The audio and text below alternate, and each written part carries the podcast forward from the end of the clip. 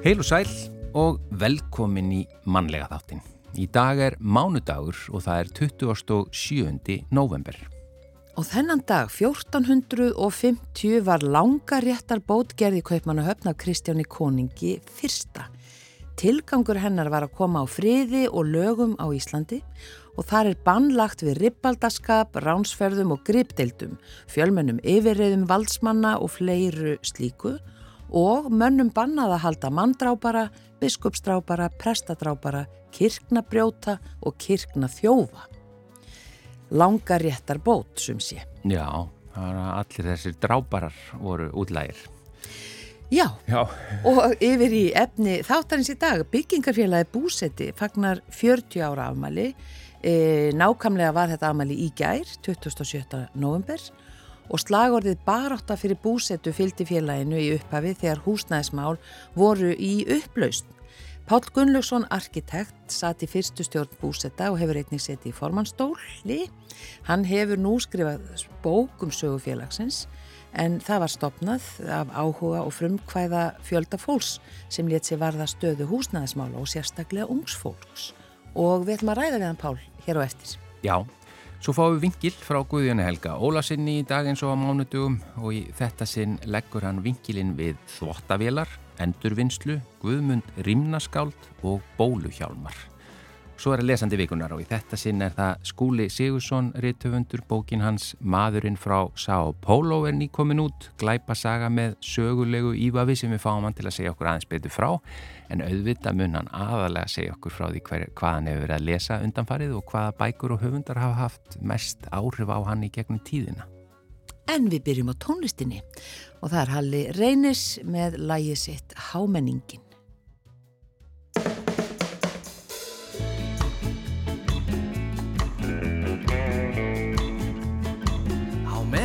Symfónía nómar. Týnir skáldið inn í hverinu Speklar er sján sig í glerinu Hér eru kvöldkjólar og glís Þar sem feldir eru dómar. Gufar andinn upp úr glösunum Drugnar elítan í frösunum Hér er að gerast eitthvað slís Þessa nótt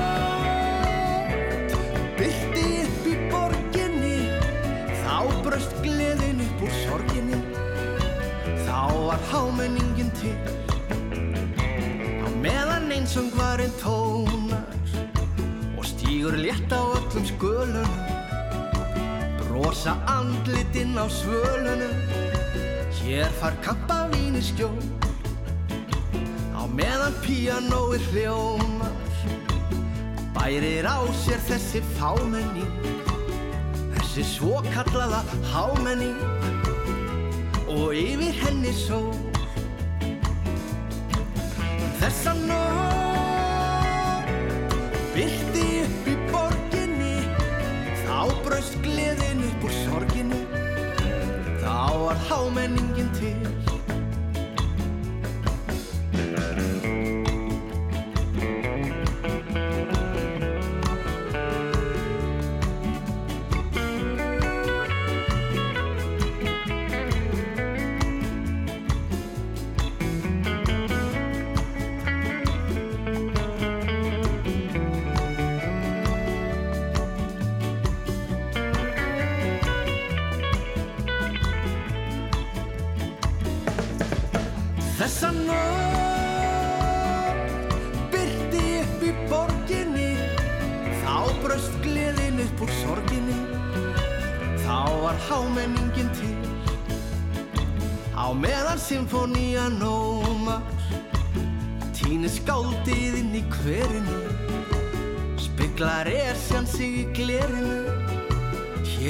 kvöldkjólar og glís Þar sem feldir eru dómar.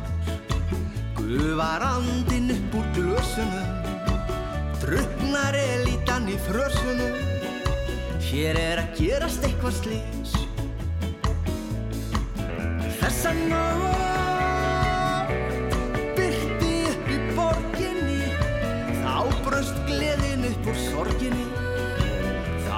gleðin upp úr sorginni Þá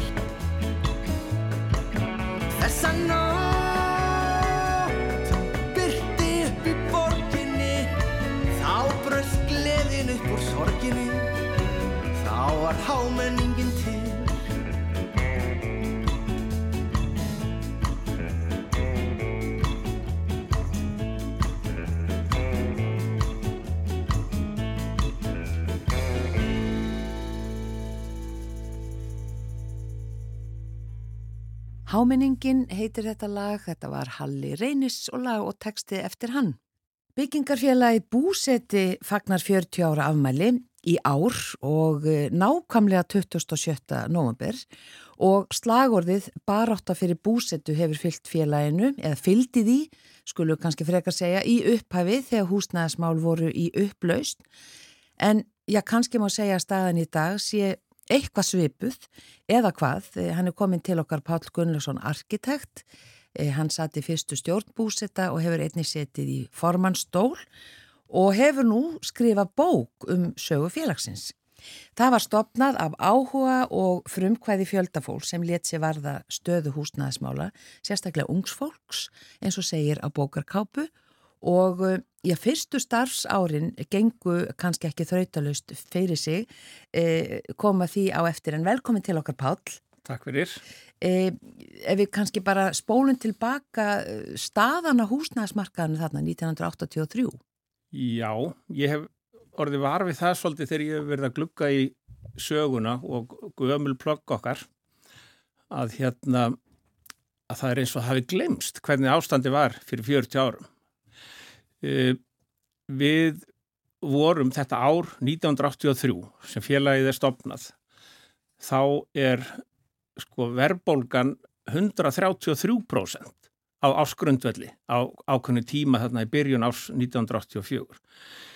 Kaupmáttur hafði hrapað og, og það má segja að það ríkti nánast öngþveiti í íslenskum efnagasmálum. Við komum heim á ég að segja ung kannski mörg frá Norðurlandunum og kannski hópur eh, svolítið frá Svíþjóð og við komum eiginlega heim og, og, og eh, bara okkur fallast hendur þegar við sjáum ástandið í húsnæðismálum á sem ríkti á Íslandi, Íslandi í þá daga Já. og þá kemur upp þessi hugmynd, það var reynda leijandarsamtökin sem voru þá byrjuð að þreyfa fyrir sér um það að, að hérna, hvort það ætti ekki að fara að byggja og, og leysa húsnæðismálin á sagt, félagslegum grunni meira heldur en á þessum svona séregna grunni eins og Íslitingar hafa alltaf haft og maður kannski að maður fyrir ennþá aftar í tíman og fyrir aftur fyrir, eh, fram að eftir styrjöld þegar, þegar menn fara að byggja upp borgir og bæi á Norðurlöndum þá velja Norðurlöndin að fara þá leiðina að skipta markanum svona si- cirka í þrend. Það er cirka þriðjungur leigumarkaður, þriðjungur er svona búseturéttur og þriðjungur er sérreign. Íslitingar taka þá ákvörun að hafa bara sérreign. Það er eiginlega bara sko, leigan kemst ekkert að. Það eru sveitafélögin sem að taka að sér að byggja leiguýbur fyrir þá sem eiga ekki neitt.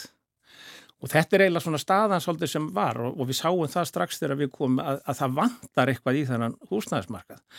Leigumarkaðurinn var reyndar komin eitthvað á, á sveitafélöginu þessum tíma en, en, en það voru algjör svona, við getum sagt, svona neyðabrið. Almennu leigumarkaður var ekki til. Mm. Búseturéttur var ekki til, það var raun og veru bara sérregnin sem var til og svo verkamannabústæðir sem enn kalluðu félagslegt íbúðakerfi sem ég hef oft sagt og svona vilja halda fram að sé rangnefni vegna þess að það getur ekki verið neitt félagslegt í því að vera með niðugreitt lán til þeirra sem er að byggja sérregnar íbúðir. Þannig að, að, við komum svona inn og sjáum hérna ákveðna uh, þekktum þetta kerfi frá Svíþjóð flest og uh, byrjum að því að reyna að stopna svona félag og, og, og þannig byrjar þetta. Við ákveðum að við ætlum að hafa þetta samvinnufélag vegna þess að það voru til lög um samvinnufélag. Mm. Við annars við, hins vegar var ekki til neitt svona lagarammi utanum svona, hvað ég var að kalla þetta, hlutaregn eða slíkt, það var ekki til neitt svoleiðis lagarammi. Þannig að við veljum að fara samvinnu, samvinnu leiðina og byrjum á þessu sem samvinnufélagi sem það hefur náttúrulega alltaf verið en rákum svo strax á það að ef það þurfti sérstug lögum um búseturétt og húsnæðisafinu fjölög og, og, og það var ekki fyrir 1991 sem við fengum slík lög. En þessi, þessi hvað ég voru að segja, þessi, þetta ástand rak okkur svolítið á staði að, að hérna, stopna félagið. Mm. Og hvernig, ef við kannski bara förum beint í það, hvernig virkar þetta? Þú borgar uh, búsetur rétt og síðan borgaru sem sagt svona einhvers konar leigu en já, inn í því er hvað? Já, við segjum inn í því er allt. Við borgum búseturétt. Þegar við byrjum þá er búseturétturinn 10% af verði íbúðurinnar.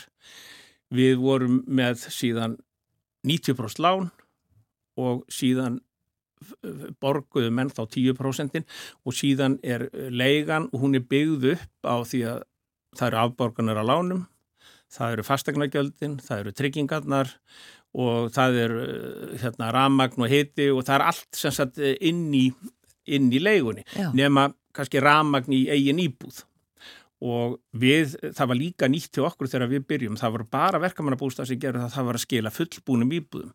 Við erum að ímynda okkur það að á þessum tíma þá þekktist það ekki að almenningur byggði fullbúnar eða væri byggðar fullbúnar íbúður fyrir almenning nema í verkamannabústaðakerfinu.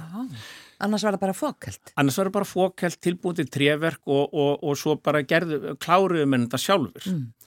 Og, og hérna, við tókum þá ákveðin sem stað, við ætlum að hafa íbúðuna fullbúnar með gólföfnum og bara með öllu tilbúnum og, og það var líka þannig, þannig að þú gengur inn í nýja íbúð með öllu og, og bú, búsetugjaldi þá, var þá, búseturéttunum var þá 10%, gæti verið 15% svo fór þetta svona alls konar en, en við skulum halda okkur við það, það var svona það sem við miðum við. Já. og síðan er leigan sem við köllum eða búsetugjaldið sem við köllum, það er allt annað. Og, og auðvitað er stæsti hlutin að búsetugjaldinu er, eru vextir að lánum og afborganir að lánum. Þannig að að hérna þannig að, eh, þannig að það verður náttúrulega breytilegt í, í, í samræmi við það. Mm. En það er svona hugmyndin, þetta er svona konseptið, ef maður getur, getur sagt sem svo.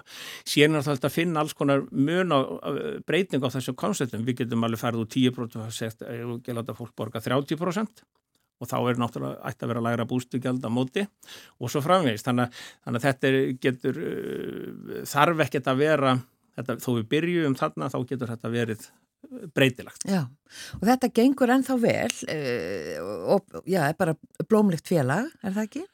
Félagi lifir mjög góðu lífi. Góðu lífi. Ég var formaður hérna fyrstu, uh, já ég tek við sem forman uh, 88 og er, er formaður þá í 7 ár, kem aftur sem formaður 2001 og er þá formaður í 3 ár síðan hef ég náttúrulega sjálfsögur fylgst með félaginu uh, gegnum, gegnum árin og, og, og svona en, en hérna kannski við komum minna svona að rekst, rekstur þess og eiginlega ekki neitt. En uh, félagið hefur bara gengið mjög vel. Það hefur alltaf verið svona hvað ég var að segja, svona hógvært í, í, í, í sínum uh, framkvæmdum. Það hefur látið svona markaðin svolítið ráða þegar markaðurinn var var svona upptjúnaður ef við getum sagt sem svo rétt fyrir hrun, dýrar íbúður, hái vextir og allt þetta þá, þá dróf félagis í hlje og, og, og, og vegna þess að við hörfum alltaf, hörfum alltaf á það þannig að við ætlum að eiga íbúðunar í 50 ár eða 100 ár eða hvað það er. Þannig að, að háir vextir í dag þeir koma, eh, koma eh, býta okkur í skottið í gegnum eftir, eftir einhver ár mm. vegna þess að við, við þurfum að þá, þá setjum við aldrei uppi með það. Þannig að, að hérna, en konseptið er svona. Já, akkurat. E, Þið stopnuðu líka leigufélag. Samtíða Já. þessu það er nú ekki mörg á síðan. Já, 2001 Já, 2001, jú, 2001 stopnuðu við leigufélag og það var eiginlega já, já, það var eiginlega þannig að það voru það var, uh, voru sett lög við vorum með búsituréttin og allt í lagi með það og verkamannabústæðir voru það var búið að leggja af verkamannabústæði þannig að það var eiginlega félagslega sérregnakerfi var eiginlega lagt af mm. 99 og, og hérna og, og þá sjá menn að það vantar vantar svona í, í, í, í kerfið. Þannig að það var ákveð og Pál Pétursson var félagsmálar á þeirra þá og það var sett lög um byggingu leigu íbúða fyrir, og félagsamtök fengið lán til að byggja leigu íbúður félagsamtök eins og til dæmis búsetti fengið lán til að byggja leigu íbúður Við förum út í það og ætlum að byggja leigubur, þá kemur ljósað búsetti samkvæmt lögum um húsnæðsafinu félag og bústirétt á meg og við ekki byggja leigubur og svo framvist þannig að við stopnum sérstakt leigufélag. Mm. Og leigufélagið hefur gengið bara mjög vel, fyrir bara mjög lítið, lítið fyrir því, er með, með hérna, hóguvara leigu og, og, og, hérna, og mjög lítið reyfing á, á fólki í þessu, þessu félagi. Leigufélagið á 240 íbúir í dag, 241 íbúir í dag, Reykjavík, Hafnarfjörði, Kóboi og Mósusbæ og þannig að leigufélagi og Garðabæri enda líka, þannig að, við, þannig að leigufélagi geng, gengur mjög vel. En það er sérstatt félag sem er ekki svona samhliða búsetta Já. og er bara félagi mjög góður ekstri. Já, svona ein spurning kannski í lokin, eh, já ef ég á 10 miljónir af hverju ætti frekar að kaupa íbúð í búsetta heldur en á, á almennumarkaði? Já, þetta er stóra spurningin. Þetta er stóra spurningin? Já, já, en, en auðvitað má segja það sko að ég held að það sé svona, það er svona hugmynd íslitinga um að eiga íbúð er öryggi, en það er ekkert öryggi. Við þekkjum það bara í gegnum tíðina að, að, það, að það, það hefur ekkert verið ávísun eða á, á endila á 100% öryggi að eiga íbúð. Þú, þú, ef þú átt 10 miljónir þá þarf það að taka 40 miljónir að lán til að kaupa 50 miljón krónu íbúð og þú veist ekkert hvað verður þetta 40 miljón krónu lán? Eins og við þekkjum uh, í gegnum uh, þessi bara í dag. Þú veist ekkert hverju vextinni verða og, og, og þú veist ekkert hvernig ástandið, efnaðas ástandið í þjóðfélaginu verður. Þannig að, þannig að þetta öryggi er kannski ofmetið þó ég sé ekki gera lítið úr því. En hjá búseta þá getur við keiftir búsetur rétt og það er algjörlega fyrir séð hvað, hver, hvert búsetu gjaldið er og það er það sem að þú, það, það, það tekur engum breytingum neinum svona, uh, svona, svona stórkallarlegum breytingum sem að, sem að hérna, annað getur gerst í þjóðfélaginu. Þannig ég segi, það er fullkomið öryggi því að vera í, í búseturétti og ef þú ferði í búseturéttin þá hefuru, hefuru sagt, meira fjö til ráðstöðunar að öðru leiti heldur en að, að, að borga veginn íbúð. Akkurat. Kæra þakki fyrir að koma í eh, mannlega þáttinn, Pál Gunnarsson, arkitekt og eh, það er þetta 40 ára afmæli búseta og þú varst að skrifa bók um sögu félagsins, bara veglega bók, er mjög áhugavert að fletta í gegnum hana því hún segir líka dáltið svona sögu, söguna uh, á húsnæðismarkaði síðustu 40 ár, uh, bara til hamingju með, með afmælið og til hamingju með þessa bók. Takk fyrir. light the fire. You place the flowers in the vase that you bought today. Staring at the fire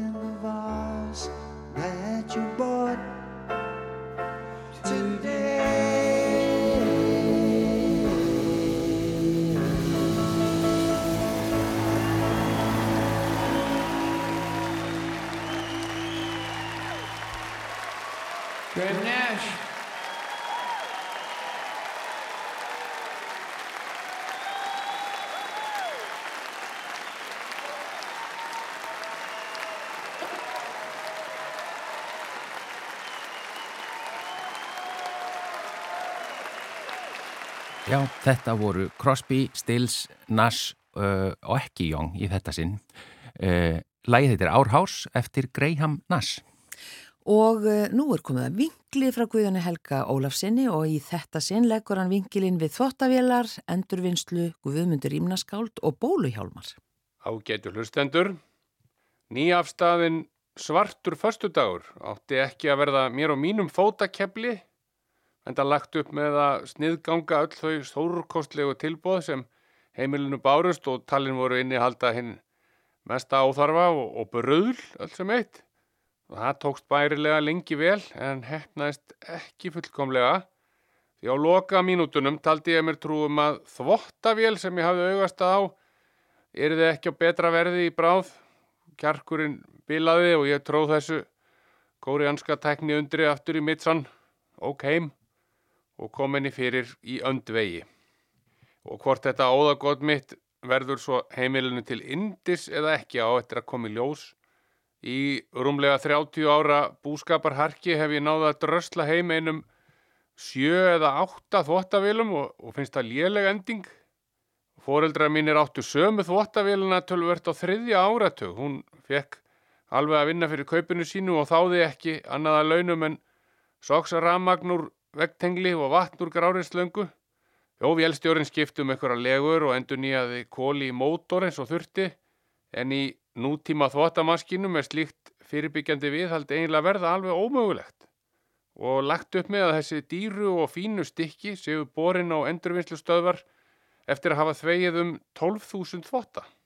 Ég er alveg vissum að, að gamla kandi þvóttavélin á mínu æsku heimilið náði 30.000 þvóttum og þegar henni var skipt út fengust ekki nöðsynleir varalhutir lengur og ekkit annað að gera en að ljúka upp aftur hleranum á AMC Eagle skuttbíl, bruna með tækið á ruslahögana og koma við í ráftækjaverslun á heimleðinni. Mér finnst hundleðilegt að eiga við þvóttavélar. Þær eru nú fyrir það fyrsta þungar, enda steinsteipu klumpur ofan á belnum í þeim flestum til mótvægis við þá fataleppa, vatn og sápu sem þarf að snúa fram og tilbaka í tromlunni. Já og þeita síðan fulla ferð að þvótta meðferð lokinni, svo þurrkuninn takist eittir í tíma. Töluverð aukning hefur orðið á snúningshraða og þeitivindingum þvóttavela á minni búskapartið. Svo fyrsta þeitti 800 snúninga á mínútu og, og þótti vel í lagt, en svo nýja hættir ekki að gefa inn fyrir en við 1400 og þykir ekkert afreg. Þvotturinn er nánast þurr eftir einast líka salibönu. Sölumadurinn í þvottavélabúðinni sagðist ekki vera sérfræðingur í slíkum tækjum. En vildi meina að vélinn mín væri töluvert vinsæl og að ég gæti átt við hana einhver samskipti í gegnum snjálsíma, taldi það mikinn kost og vildi segja mér frá. Ég er eins og vera aðdáandi einfaldrar hönnunar og, og langaði helst ekki að heyra neitt um þann möguleika og veit heldur ekki hvað ég ætti að segja við þvóttavél og, og vil helst ekki heyra neitt frá hennar sjónarhóttni annað en Ég er búinn. Hengdu þessa leppa þína nú upp til þerris og láttu mig í friði þangað til á morgun. farsælast er að þvóttavélar séu til friðis sem allra allra lengst og séu svo almennilega ónýtar þegar þar að kemur.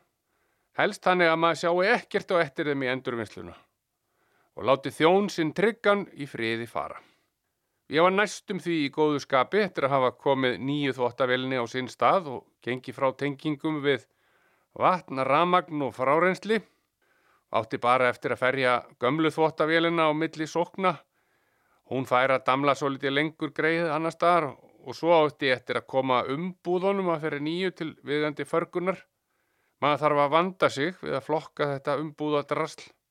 Fröðplast, umbúðaplast glært og svo var einn spýta þarna með, ég setti hana nú bara í eldi við aðstappan.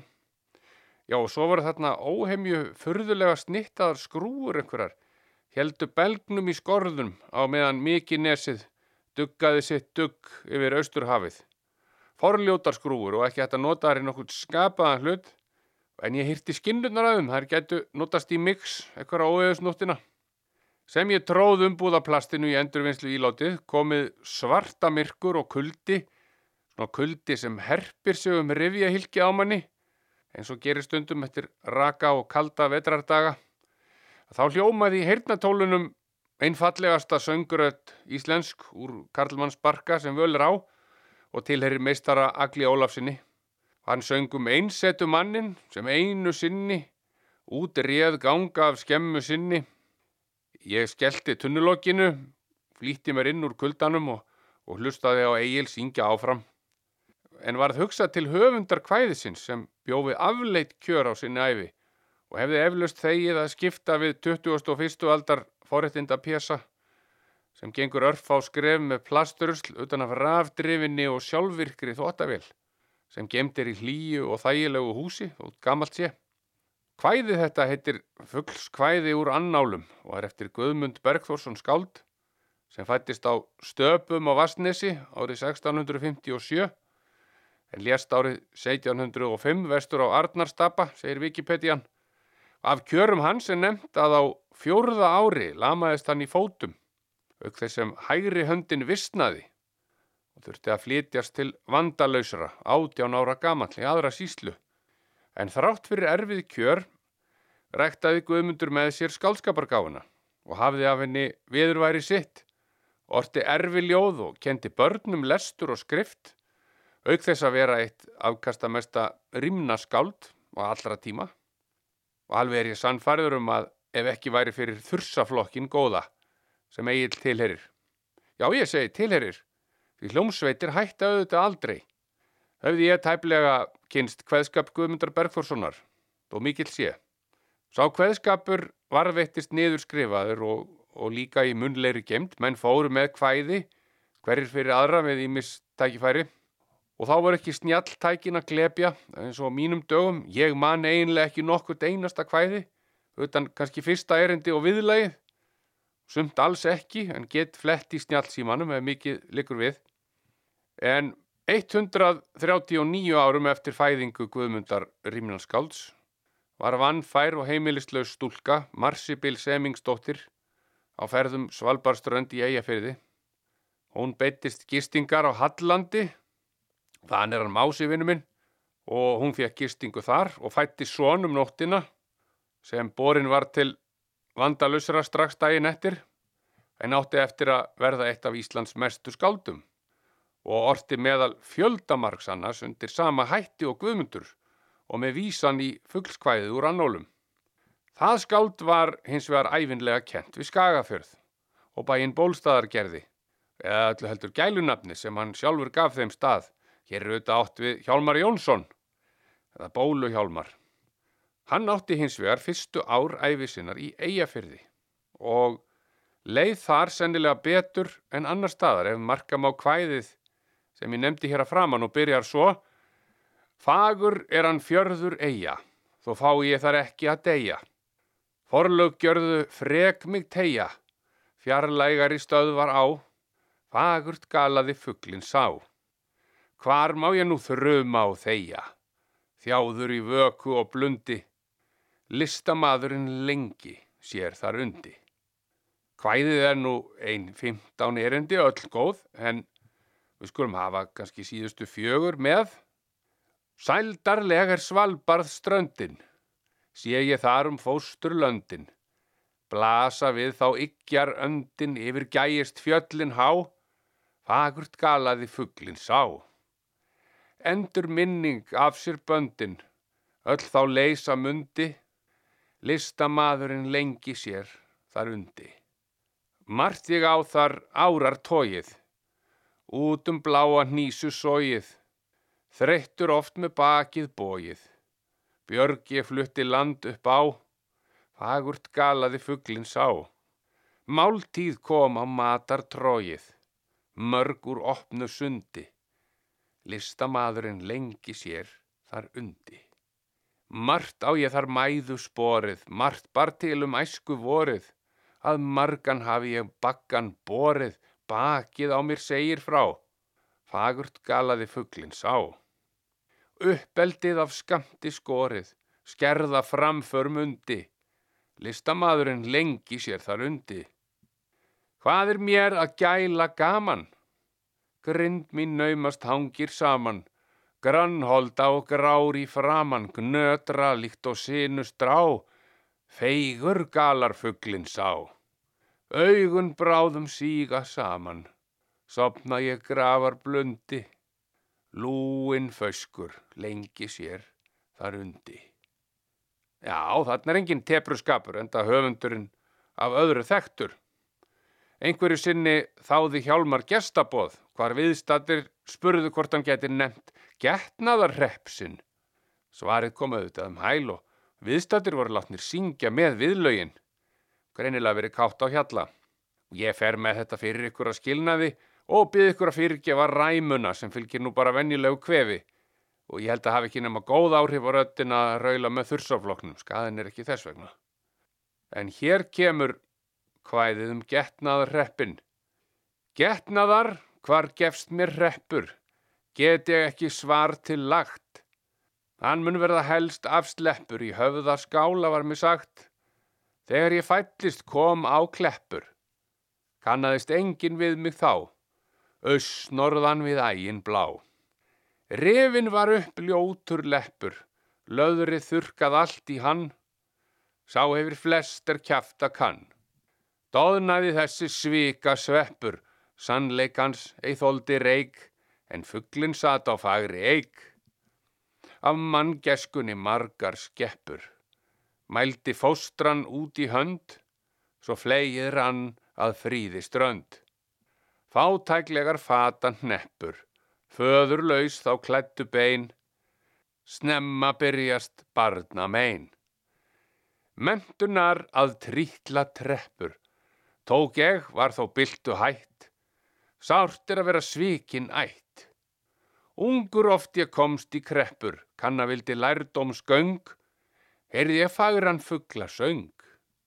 Lamdi á mér limar keppur sem litlu góðu orkað fjekk, því hurðin ekki grópið gekk. Spiltur skabl úr spori skreppur, spaugar svellið að og hvín, stendur hjá mér stúlkan mín. Engar fæ ég andar teppur, einn getinn þó væri ég hreint. Eður þá í löstum lengt. Syng ég eins og gamall greppur og gjöri skopað öllu, víðar er kátt en konungsins í öllu. Þar hafið þið það.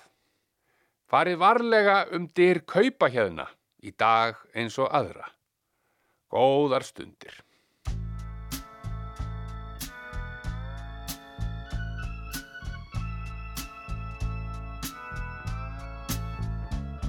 I can hardly bear the sight of lipstick on the cigarettes there in the ashtray. Lying cold the way you left them, but at least your lips caressed them while you passed. Or the lip print on a half-filled cup of coffee that you poured and didn't drink. but at least you thought you wanted it. That's so much more than I can say for me. What a good year for the roses. Many blooms still linger there. But long could stand another mowing. Funny, I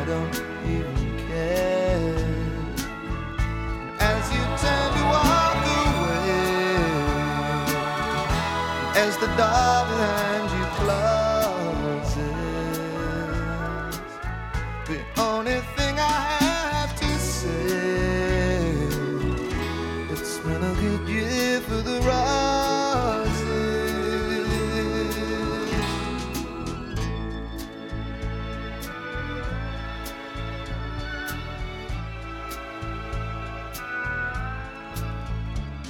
After three full years of marriage, it's the first time that you haven't made the bed.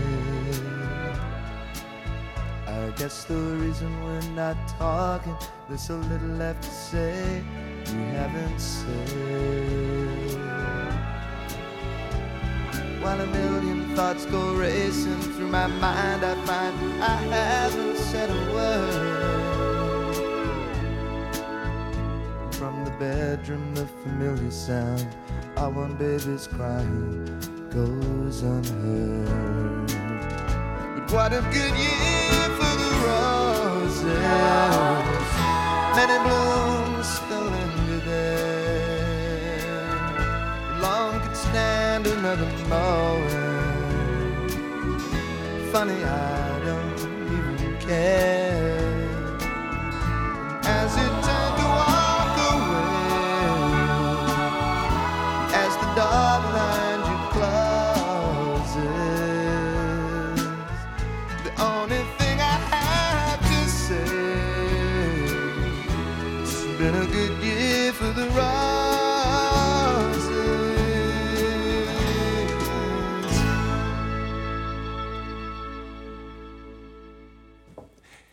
Já, Good Year for the Roses, þetta var Elvis Costello sem söng og samdi.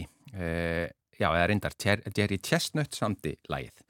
En það komið að lesanda vikunar, hann er sestur hér á móti mér, Skúli Sigursson, rítuhundur, kondi sæll og blessaður og velkomin. Blessaður, þakka þér fyrir.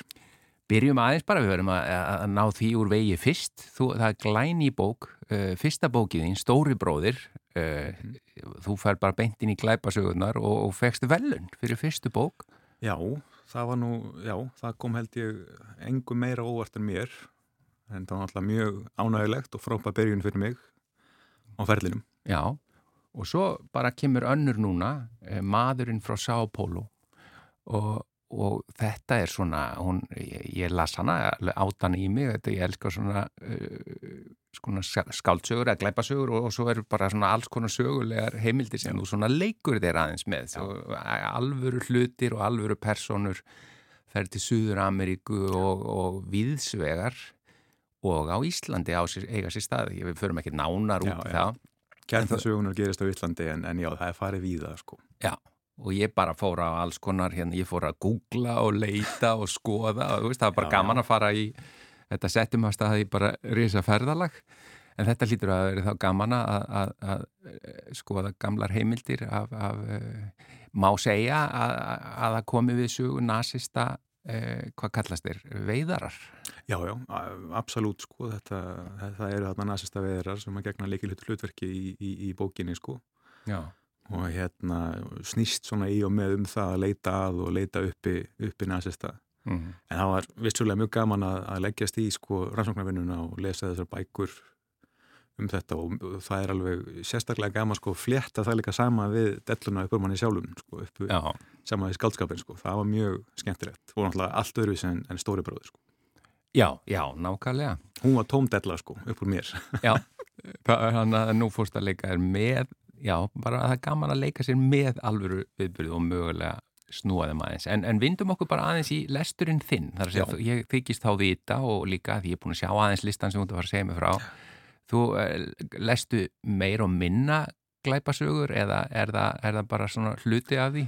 Það er svolítið í bland, ég tek svona tímabil sko, stundum er ég bara í glæpasögum og spennusögum, stundum er ég bara í æfisögum, stundum er ég bara í svona þessi sem að heitir eh, hérna bækur almenns efnis, Mm. non-fiction og stundum hérna, minna á síðar árum, þá, þá svona dett ég í þessar uh, bókmentalegu skáldsögur sko, en, en það er svona allur gangur á því sko, en, en já, ég, ég er eiginlega fólk til aðlæta held ég á, á, á bækur sko.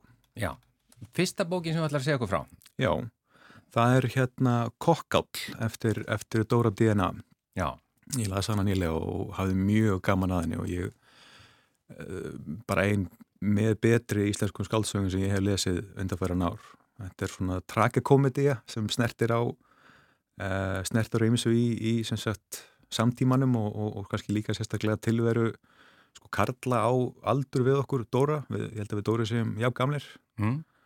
alltaf, alltaf mjög áleika gamlir sko Já. og þetta er hérna í aðalatrinu Ungir saga segi ég. ungir, já, já, akkurat, álíka ungir og hérna já, en sérst, maður svona tengdi við að ég tengdi við söguna kannski af því við erum svona á uh, svipuðu staði í lífinu ég og hann sko og, og efnið er þannig en og líka bara þetta er maður á færtursaldri sem að svona tapar uh, tapar stjórnin á lífi sínu, missir tökin á lífi sínu og, og hérna uh, og það er svona skemmtilegt að, að fylgja þessari personu það heitir Örn, kalla, kallaður Össi. Já. og það er svona það er stöður stígandi í sögunni sko, hún byrjar enda fótið skart og svo, svo svona kemur, tekur hann stemminguna aðeins niður en svo er alveg stöður stígandi og svo þegar það kemur að sko eiginlega fjärstaðikendum hápuntunum Mm -hmm.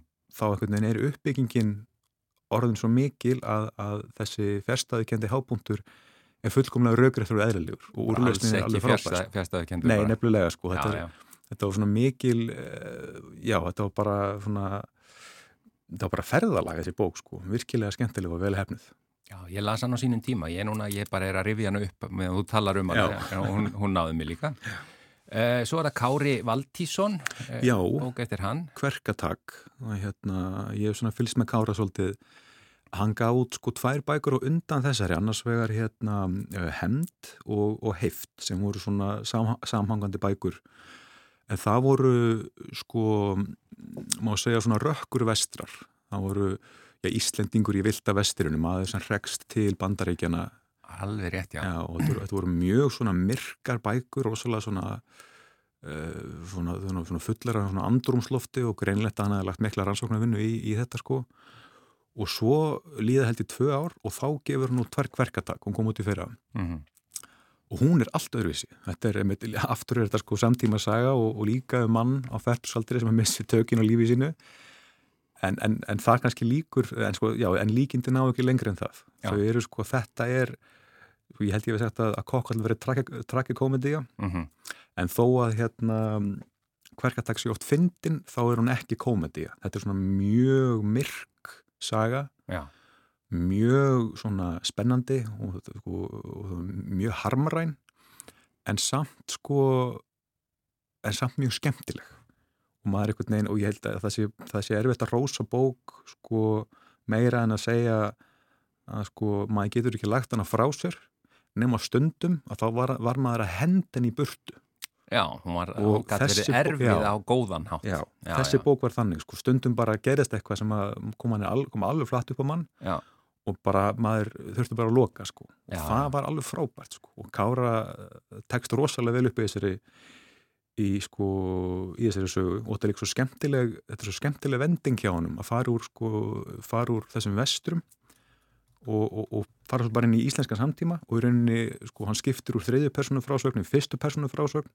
skiptir um tímabil, hann skiptir rauninni um sko um bókaflokk, hann fer úr sko fer úr svona sem maður myndi kalla reyfara yfir í bara skáldsögu sko, svona harða skáldsögu sko, er mjög skemmtileg og, og eins og kannski kokkall, það var svona upp þetta var svona hérna, það var upplifun að lesa þetta, þetta var ferðalag. Já, og það er kannski það sem að ég sæki svolítið í, í skáldskap er að mér finnist ég sko svona einhvern veginn plataður inn í, inn í bókina og svo hrist ég með já. allt til enda sko Já, það er nú það sem að maður vil, sko. algjörlega Já, og ég hlakka, já, ég hlakka mikið til að lesa sko því að ég svona heyrt átundan mér að Kári sé að vinna í næstu bók sko Já, já. en ég er mjög spenntur að, að lesa hana sko En næsta bók sem við ætlum að tala um nú er bara nýlega, ég veit ekki hvort þið búið að sína hana hér, er hún komin hinga kvikmyndin Killers of the Flower Moon? Jú, jú, hún er komin hérna, þetta er sem sagt nýjasta myndin frá Martin Scorsese Mm. Og uh, kannski teka fram sko kokkáll, kverkatak, Killers of the Flower Moon sko, bækurnar byrja ekki allar á K ég les ekki bara bækur Já. sem byrja á K Já, þú bara það farið í, í þessar stafrófsröð, byrja á já, K já. sko veit vill þannig til en, hérna, já, en ég sé sá myndina, hún er komin og, og þetta er mjög áhugavert mál sko, snýst í rauninum það að sko á þriði áratug síðastu aldar þá mm, eru semst á dögulefullan hátt deyja eða eru myrtir hérna, meðlumir Osage eða Osage ættbálksins í Oklahoma í bandaríkjörum hver af öðrum eru, eru myrtir og enginn veit af hverju. En það sem við vitað er að þetta, er sem sagt þetta eru, þetta er indjónaþjóð sem að, eða já, frumbyggjaþjóð sem að fekk hérna land það sem var ólja, já, var útlunda landi af bandaríkja, gríðarlega verðmættar oljulindir. Akkurat, kemur ljósaður ólja og svo allt í einu fara þeir að vera myrtir hver af öðrum og þetta er uh, með duglufullt mál og Uh, og ég er það er skýrt að taka það fram sko, ég er að lesa þessu bók, ég er Já. ekki búið með hana en ég er langt komin og ég sá myndina þannig ég Já. veit svona nokkur neginn hvernig í bóttinu er búið en þetta er alveg þræl magnað sko, því þetta dregur líka svo sterka mynd upp af sko viðhorfunu til uh, til þessara hérna frumbyggja þjóða í bandaríkjum á svona tíma því að sko um, þetta viðgekst svo lengi, það var svo langt tímabil þar sem var bara verið að myrða einn af öðrum þessa, þessa, þetta fólk. Mhm. og uh, Þótti bara ekki tækt að þeir væru með einhverja svona olílindir á sínum vegum Sko, sem það ég svona miklu já. peningar í og nefnilega er bara bjarga já, þessum peningum frá.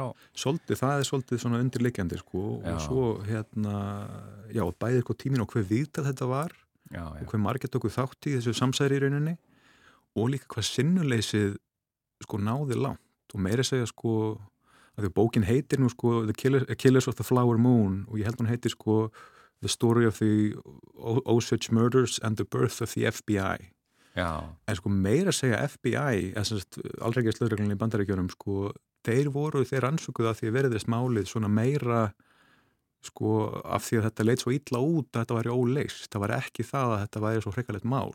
Einmitt það, þetta er svona, það er svona já, maður er svona óbræði munum með þessu öllu saman sko en, en, en Það var því Já. miður auðvitað farið bara alveg afskaplega illa með frumbyggja bandaríkjana og eins og kannski reyndar sko. víðar. já, það er vægilegt sko. Já, en uh, The Lincoln Lawyer, já, það er svona já, það er svona léttara efni kannski. En það er líka bandarískur höfundur og hérna þetta er reyndar sjónvarsættir núna á Netflix til Lincoln Lawyer. Já, og ég las þetta, las þess, þessar, þessar, ég er byrjaður á þessari seri, ég hef lesið heilmikið eftir Connolly sko, eh, Michael Connelly, er, er þetta margar bækur? sko ég held að sé orðna sjö. Uh, og ég, sagt, ég er búin að lesa einhverja 15 bakur eftir Connelly, held ég er á annari bókin í þessum flokki sko. Og sjónvarsætnir eru mjög, mjög fínir sko. Uh, virkilega fínir. Og, en sko það sem er skemmtilegt við uh, bækurnar er að aðalpersonan Mikki Haller, hann er svo miklu meir, hann er svo miklu hann er ekki hreitn og skorinn sko. Hann er kliftur og skorinn, mm. ekki hreitn og beinn. Hann er hérna hann er svona bara skýr hetja í hérna þáttunum. Já, en hann er svona uh, hann er þreyttur svolítið svona bara útbrunnin í bókunum. Uh, hann er búin að tapa trúnni á réttarkerfið og, og þú veist, tekur svona sensa á gráu sveðunum í vinnu sinni sko. Já. Og Það er nú sko í, í mörgum aðeins glæpa með sögum og svona, það eru rannsóknlörglum Já, já. sem eru aðal, er- þeir eru þetta er- yfirleitt í smá, bara í rúst sko, í, er í persónulega sko. lífinu. engin spurning sko Já, en það er sem sagt því er breytt í sjónvarstáttunum. já það er svona aðeins mildað sko hann er gerður svona, hann er gerður sko sympatískari en, en gerir það líka verkum að hann hefur ekki sama aðdráttaraflið finnst mér og hann hefur í bókinni sko Mm.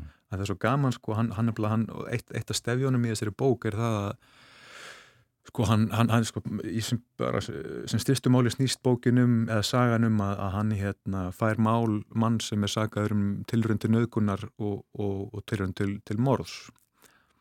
Og svo flæki saman við það eldra mál sem hann var með. Og hann svona er að finna út úr því og það er alls konar vendingar og, og hún er reynda þannig að vaksin að það er best að segja sem minnst. En það svona stef í bókinni er þetta sko að hann óttast að svo, svo, svo, svo mikið hérna aðalpersonan Mikki Haller, hann óttast að, að þekki ekki sakleysið ég þú að stæði beint fyrir framann Mm. og þetta er alltaf fyrir það fyrsta þetta er alveg rosalega flott og hann, hérna, Michael Connolly hann er yfirlega svona hreitnum beitni í texta en svo droppar hann svona gullkortun, svona flottun setningum eins og þessu sko og svo, svona hugmyndum.